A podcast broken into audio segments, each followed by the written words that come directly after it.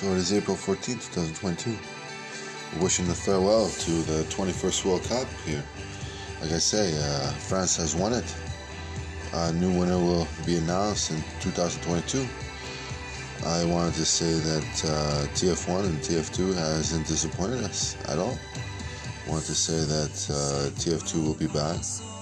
TF1 is obviously running on the pitch, doing all his efforts, each and every one of you, and that's great to see.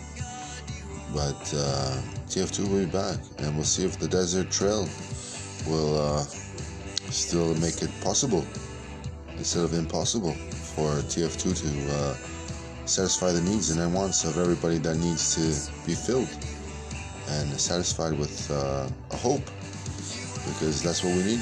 Each and every one of us is a little bit of hope in each and every one of our lives. So god bless each and every one of you